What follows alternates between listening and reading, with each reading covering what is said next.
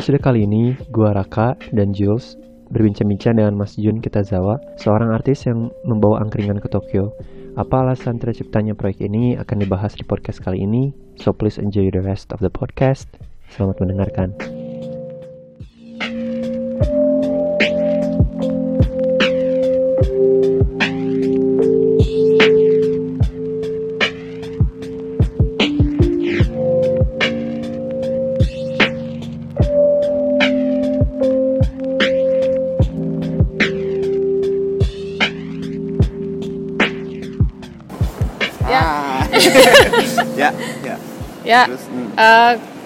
Lagi sama gue Jules dari Ruang Esok. Sekarang ya sama Mas Raka, sama Mas Jun Kitazawa Ya. yang bikin, eh, yang bawa angkringan ke Jepang. Terus sekarang kita mau eh, wawancara Mas Jun sama Mas Raka bakal nge-translate sedikit-sedikit karena bahasa Jepangku masih pas-pasan. Kamu Jadi- dari Berkeley. Cuman jaket dari doang. dari Tahu, Bronx. tahu, tahu.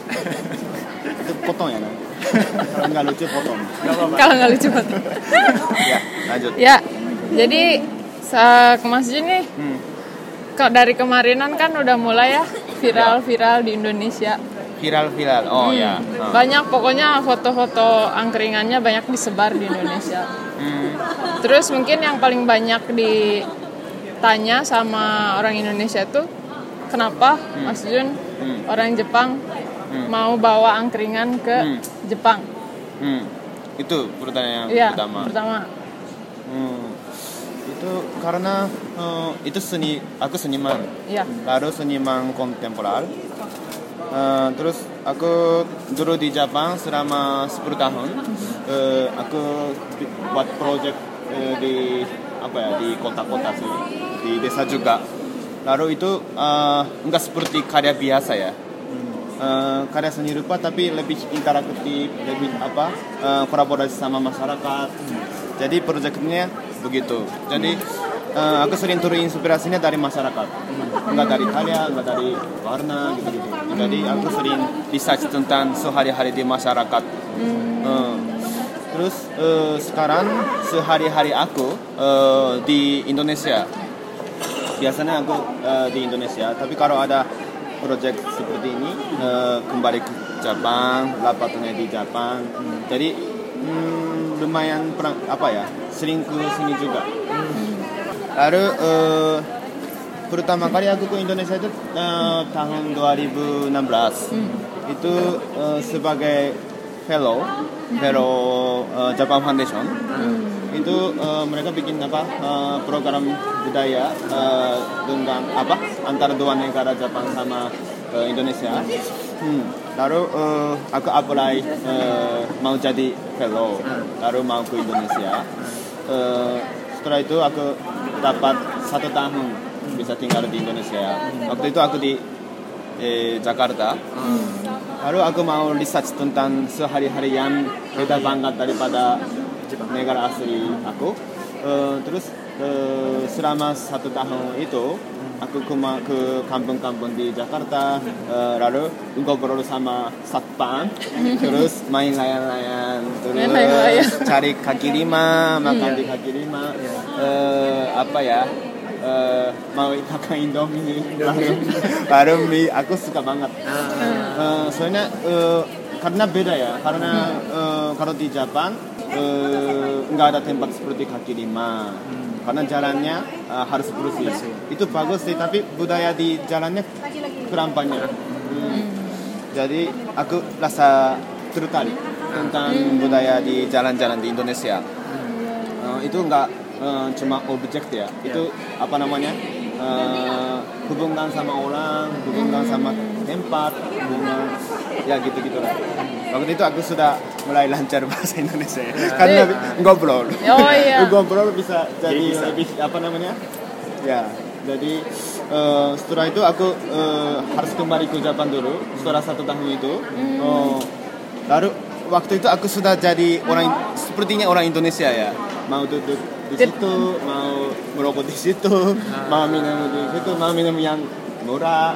Jadi budaya kampung aku yang cinta Ah. eh, enggak ada di Jepang aku rasa. Eh, jadi cara hubungan buat hubungan cara tema, temani Ah. i- itu juga beda. Hmm. Eh, kalau di Jepang eh, harus janjian sebelum beberapa hari satu minggu dua minggu. Oh iya iya iya. Lalu eh, mungkin di kafe Iya. atau izakaya. Iya. Tapi temannya lebih apa namanya? Karena di sini harus harus sopan siapa pun ya, harus sopan siapa pun enggak Iya. cuma orang di atas ya. Teman juga harus sopan. Hmm, Jadi eh, susah ya lebih apa namanya?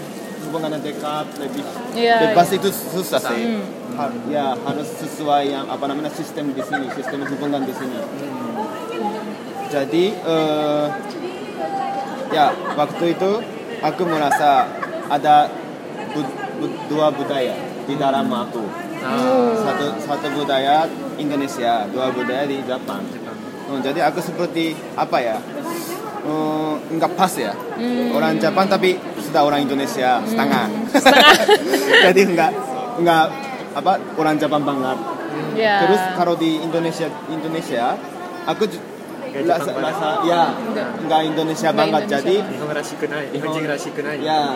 Tapi Indonesia jin kunai juga. Ah. enggak enggak seperti Indonesia. Oh, bacanya beda. Jadi Oh, pasti iya. orangnya tanya kamu kuliah kah? Kamu kerja di mana? Hmm. tapi aku seniman apa?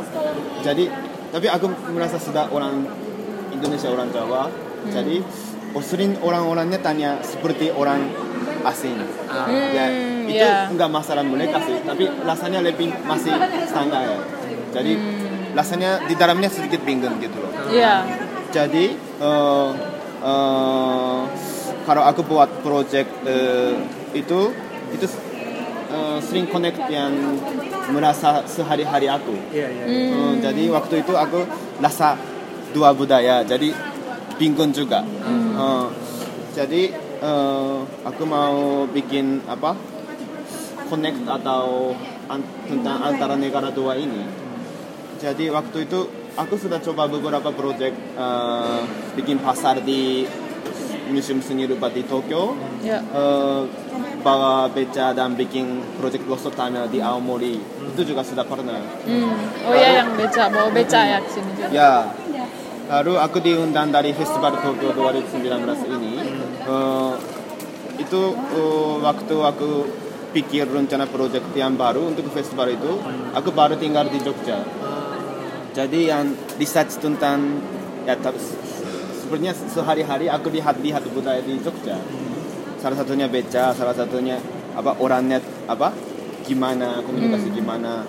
Terus angkringan itu aku rasa sedikit apa apa namanya tertarik tentang angkringan Eh, di angkringan ada di mana-mana tapi di Jogja di Klaten itu lebih apa namanya simbolik ya simbolik kota ya. Terus eh, aku di dalam aku ada dua perspektif. Jadi dari perspektif sebagai orang Jepang angkringan itu aneh sih. Karena eh, di jarang Jepang itu nggak boleh nggak boleh ada apa-apa yang sedikit aneh. Eh, soalnya kalau di jalan eh, alasannya harus apa namanya harus jelas Eh, Oh, iya. ada Seven Eleven ada restoran ini restoran Izinnya. izinnya harus apa jelas banget Iya. Eh, jadi angkringan itu eh, aku nanti mau bi- bisa bicara sih angkringan itu apa ya izinkannya susah jelaskannya susah ya ya gerobak tapi tempat nongkrong seperti di jalan apa enggak enggak apa enggak dituntut di situ kan bisa jalan. Iya. itu di di, Ja- di Jepang sistem masyarakatnya enggak boleh ya. Karena itu terlalu bebas ya. Iya. bisa ke mana-mana bisa jadi apa namanya seperti sepeda. Tapi kalau buka toko warung tapi ada orang yang cuma duduk itu apa ya? Gitu. tapi di Indonesia apa? Di itu bisa itu bisa hidup angkringan bisa hidup lalu banyak banget di Jogja. Itu aku rasa aneh terus tertarik banget. Eh, karena eh, di sini di Jepang tanah pribadi tanah umum itu ada lainnya. Aku bisa paham sini apa tanah umum tanah pemerintah atau tanah pribadi. Kalau pribadi lebih bebas kalau eh, mu- orang memiliki tanah itu bisa bebas. Tapi ta- tanah umum itu enggak boleh apa pun. Harus Ya. izinkan semua. Eh, itu mau harus ya jadi apa namanya bikin proyek ini sangat susah.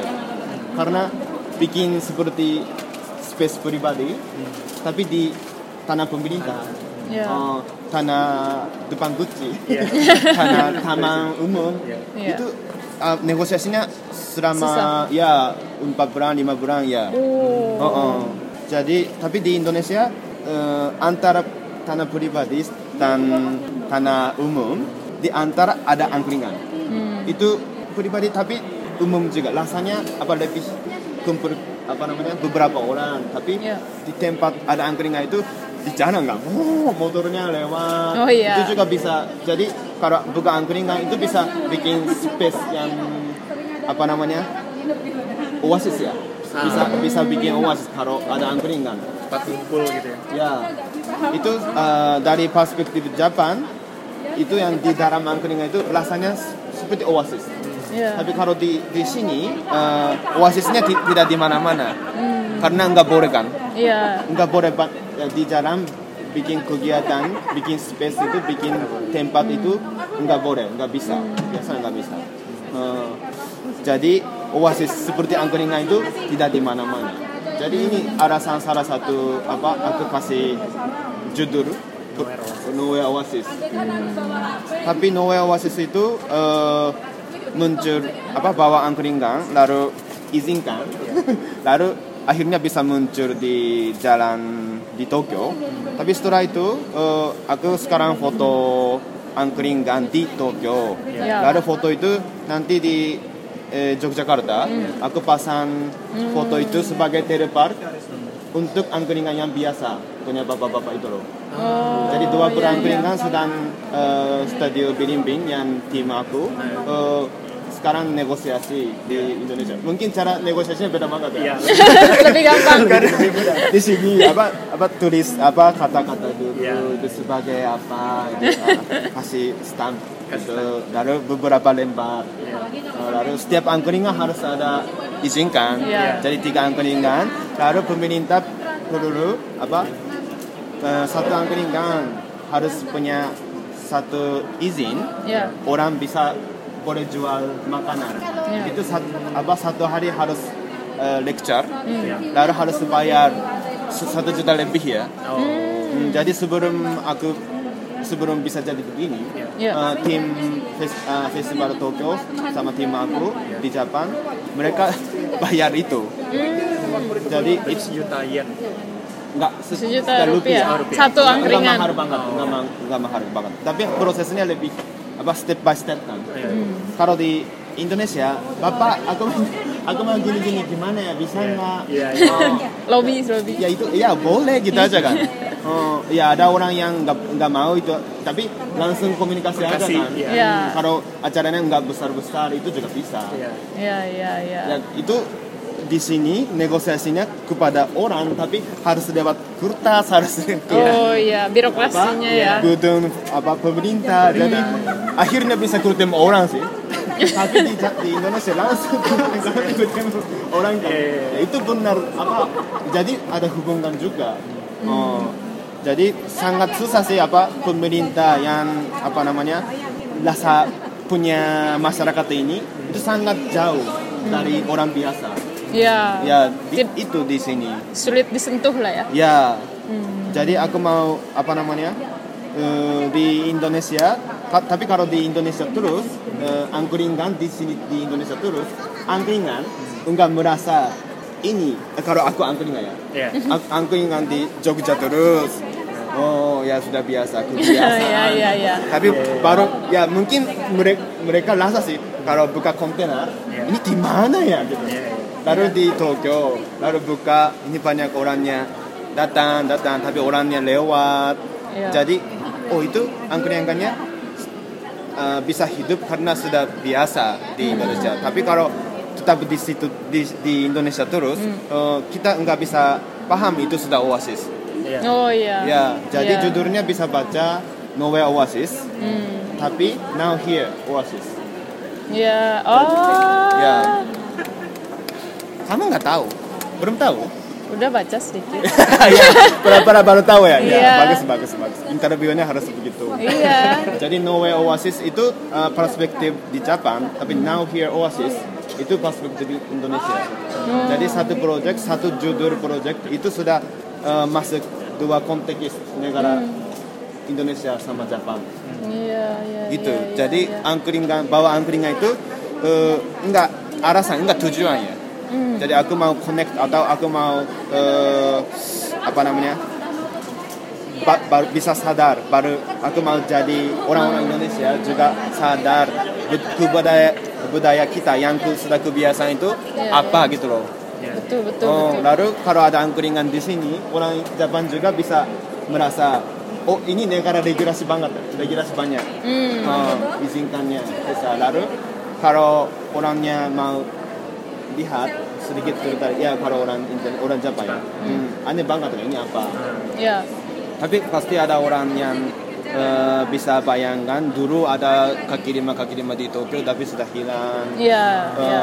jadi itu proyeknya tujuannya enggak cuma bawa sih enggak cuma bawa angkringan lewat apa cara Ini.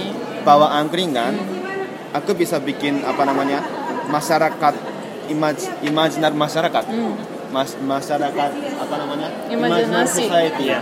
Hmm. karena eh, angkringannya biar nggak ada kan di Iya. Tokyo tapi Iya. sekarang ada itu imajinar kan Iya. Eh, sebagai aku seni rupa itu bisa bikin masyarakat cara pakai kreativitas atau imaginal Eh, imagine, imagination imagination Supaya tertrigger lah ya.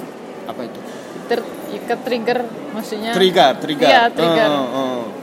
jadi cara pikir masyarakatnya. Ya, jadi alasan seniman kerja di masyarakat itu eh, harus keluar dari rasa kebiasaan. Kalau di dalam satu kebiasaan itu kita nggak bisa paham, nggak bisa rasa masyarakat kita gimana. Harus seniman apa namanya ambil sesuatu dari masyarakat satu negara atau satu kota, lalu apa namanya comparing ya, lalu apa namanya? Artisnya senimannya senimannya benar hidup di masyarakat atau di dunia ini tapi sering lihat dari atas atau dari perspektif lain. Lalu kasih eh, ke orang tinggal di situ eh, hidup di situ eh, sekarang di mana ya? Ada ke, ap- apa apa yang kemungkinan Bisa jadi. bisa jadi masyarakat ini. Jadi seniman itu harus pikir begitu Hmm. Aku aku sering pikir begitu. Jadi itu alasan aku Alasannya bawa. kenapa Tapi bawa. aku cerita semua ya. Ya nggak apa-apa. Praktis. Terus berarti dari 2016 sampai sekarang itu udah mau empat tahun lah ya sebentar lagi empat tahun tiga Oh, tahun oh iya. setengah lah ya apakah akan terus di Indonesia Belum tahu tapi mau eh, mau bikin studio. Aku sudah punya studio studio studio Bilimbing. Iya, Hmm. Bilimbing. Blended. Susah ya pronunciation. Bukan Belimbing ya. Bi- Bilimbing. belimbing Eh eh Be. be be Belimbing. ah jozo so. jozo Belimbing. Karena apa tempat rumah itu punya pohon belimbing. belimbing Ah. Hmm. Itu sudah apa teman-teman studio itu ada seniman, ada arsitektur, arsitek, arsitektur itu. Hmm. Ya, atau manajer juga. Jadi kita berempat sekarang bikin project, lalu angkringan itu juga bersama-sama desain, lalu pesan ke tukang Ya. di Klaten. Jadi per, apa namanya? eh, proyeknya lebih interaktif tapi awalnya di Indonesia, bikin di Indonesia lalu bawa ke mana-mana gitu. Jadi mau mau lanjut cara begitu. Asik Ya, sih ya, sama ya, mereka. ya. Eh, udah cocok berarti di Indonesia asik. Ya cocok cocok. ya, aku ras- jadi studionya aku mau di Jogja sehari-hari juga di Jogja tapi kantornya aku punya di Tokyo juga. ya yang Oh. Jun Yakumo. kita Zawa office, office, ya. itu Yakumo. Yakumo. Yakumo juga nama tempat, nama eh, daerah. Terus berarti kalau untuk si proyek ini biayanya sendiri apa ada sponsor yang dari fellowship itu atau Eh, proyek ini? Ya. proyek ini itu dari festival Tokyo. Dari festival Biayanya Tokyo. dari festival Tokyo. Oh. Itu banyak apa? Oh ya festival Tokyo itu dapat sponsor di dari mana-mana. Oke. Dari ya. Jadi setelah itu mereka yang undang aku. Hmm. Lalu aku bikin rencana proyek ini. Hmm. Lalu dapat biaya Ya. terus pakai. Oh, ya ya ya ya. Terus kalau lihat sejarahnya nih, Mas. Sejarah? Iya, eh, Hmm. belakangnya Hmm. masa lalu, masa lalu.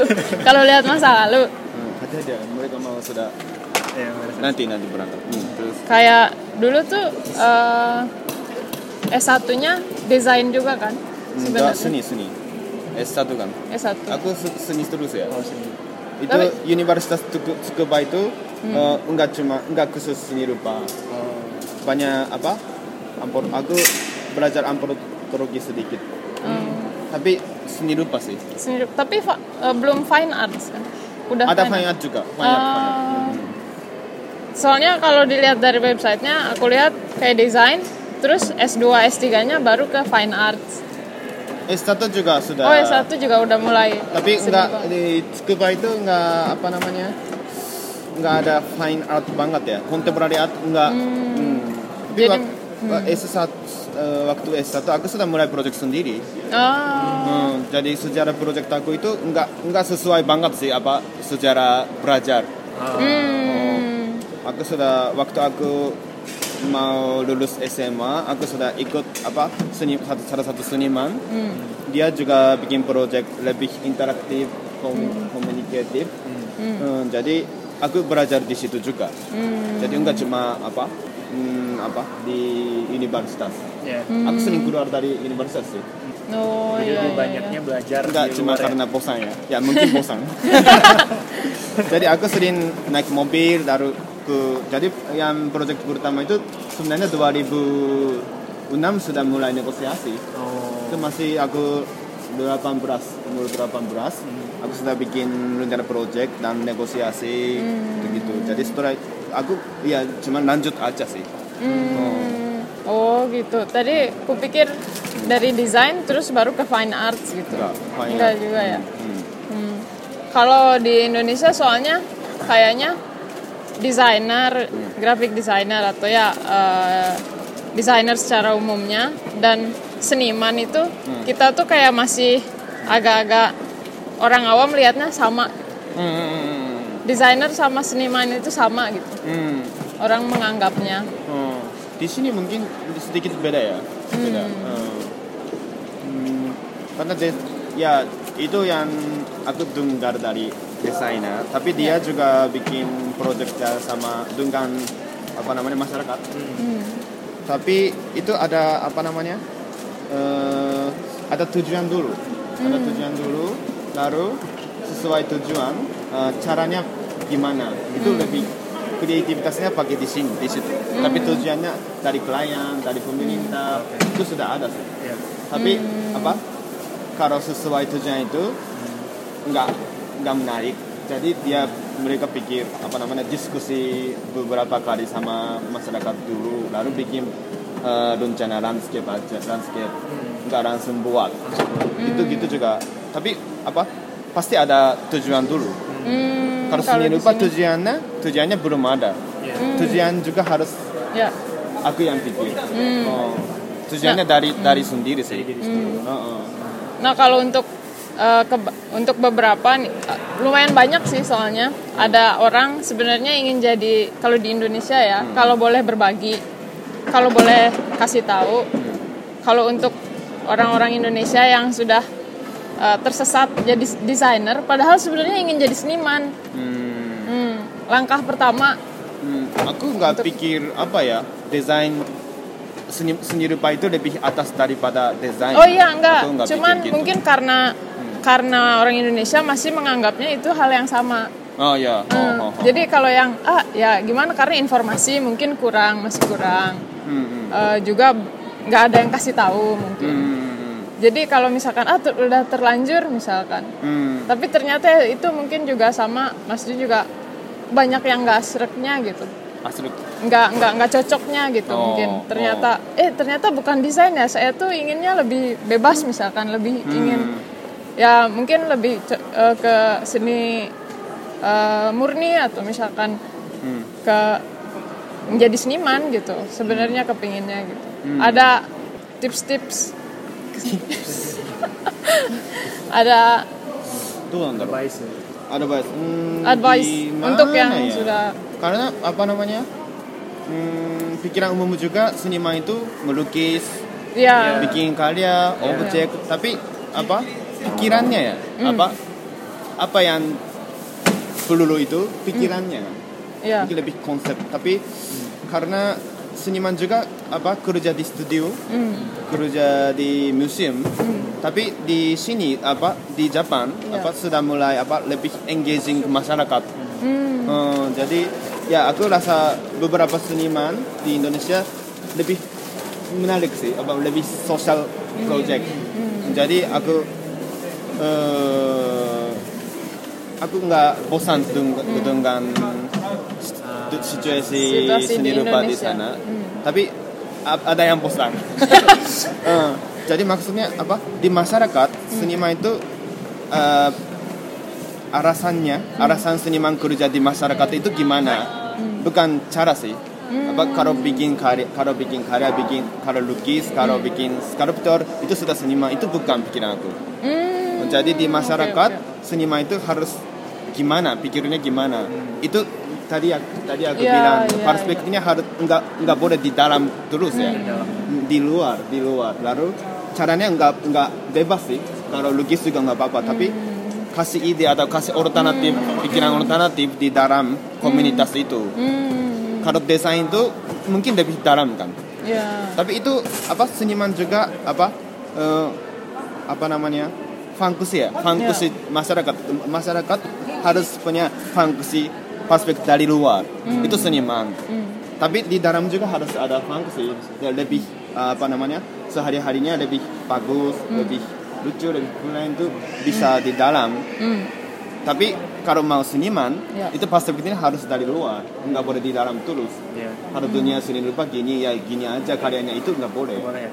Mau kalau mau seniman. Kayak harus uh, sorry ya kalau aku jadi seniman bosan aku apa-apa, soalnya jadi kayak kita uh, apa generasi sesuai generasi gitu ya berkembang terus. Belum lagi juga kan ada image kalau di Indonesia sebenarnya eh, jadi seniman itu bukan suatu cita-cita yang bisa orang tua harapkan biasanya juga. Orang tua itu nggak boleh gitu. eh, apa bukan cita-cita ideal gitu. Kalau anaknya jadi seniman itu kan kebanyakan jadi PNS, jadi Jepang juga Oh sama di Jepang juga. itu tergantung keluarga ya ya benar per- perlu apa orang tua bak- bak- lebih pikiran bebas juga sih Iya. background juga apa jadi aku punya apa namanya background orang tua juga bisa merasa ya boleh bebas aja Iya. ya itu tergantung situasi sendiri sendiri ya Iya. jadi aku ya terima kasih ke keluarga aku terima kasih banyak Iya. Nah, terakhir mungkin ya, ya terakhir dari semua karyanya Mas Jun, hmm, dari yang awal sampai sekarang, hmm, eh, itu kan kalau seniman kan pasti harus ada hubungan dengan karyanya itu harus ada hubungan personal ya Hmm. sama si senimannya itu sendiri. hmm. Kalau bisa diungkapkan sama da- dengan satu kata aja. Nah, eh, Jadi maksudnya, maksudnya? jadi si si rangkuman, matome matome, Matome, terus dari semua karyanya itu Heeh. Di matomein Matomein eh, jadi mato- satu kata. Karya aku. Karya aku semua Iya. kalau Hmm. satu kata ya. ya nggak bisa ya itu. Nggak bisa. Eh, kalau kalau jadi gitu bahaya. Bahaya. Kalau seni apa karya senimannya perlu berubah terus. Berubah Hmm. terus. Kalau jadi berubah ada yang nggak berubah. Jadi mungkin si satu kata itu berubah. Ya bisa juga ya kalau aku nggak berubah aku nggak ke Indonesia kan Hmm. karena waktu itu sudah proyeknya banyak di Jepang tapi aku selesaikan Hmm. karena aku harus berubah kalau di, di sini terus karyanya nggak berubah itu nggak nggak menarik Hmm. Hmm. jadi si perubahan perubahan, perubahan. mungkin ya bebas lah Ya, jadi mungkin pesannya jangan tinggal di zona nyaman. nggak nggak nggak cuma tempat ya Ya, pikirannya pikirannya Pikiran. juga nggak tinggal di berpikir di zona Ya, aku nyaman. sekarang banyak belajar belajar sehari-hari di Jogja dan teman-teman. Ya beda beda jadi bisa belajar itu baru dari dari kalian itu baru. Ya. Ya bisa belajar satu sama lain. Hmm. Hmm. Baiklah, Ya. terima Udah ya? kasih banyak Ya sama-sama. Terima kasih banyak atas waktunya mas. ya, arigato. waktunya. Terima kasih Arigato banyak. sama- Ya, itu dia wawancara sama Mas Jun Kitazawa. Sampai ketemu lagi. Bye.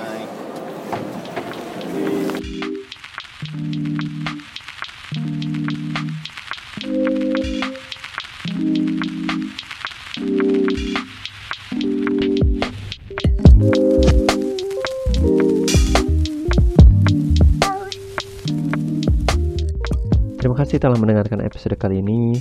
Um, jangan lupa juga untuk subscribe podcast dan YouTube channel Ruang Esok. Gua Raka, until the next one.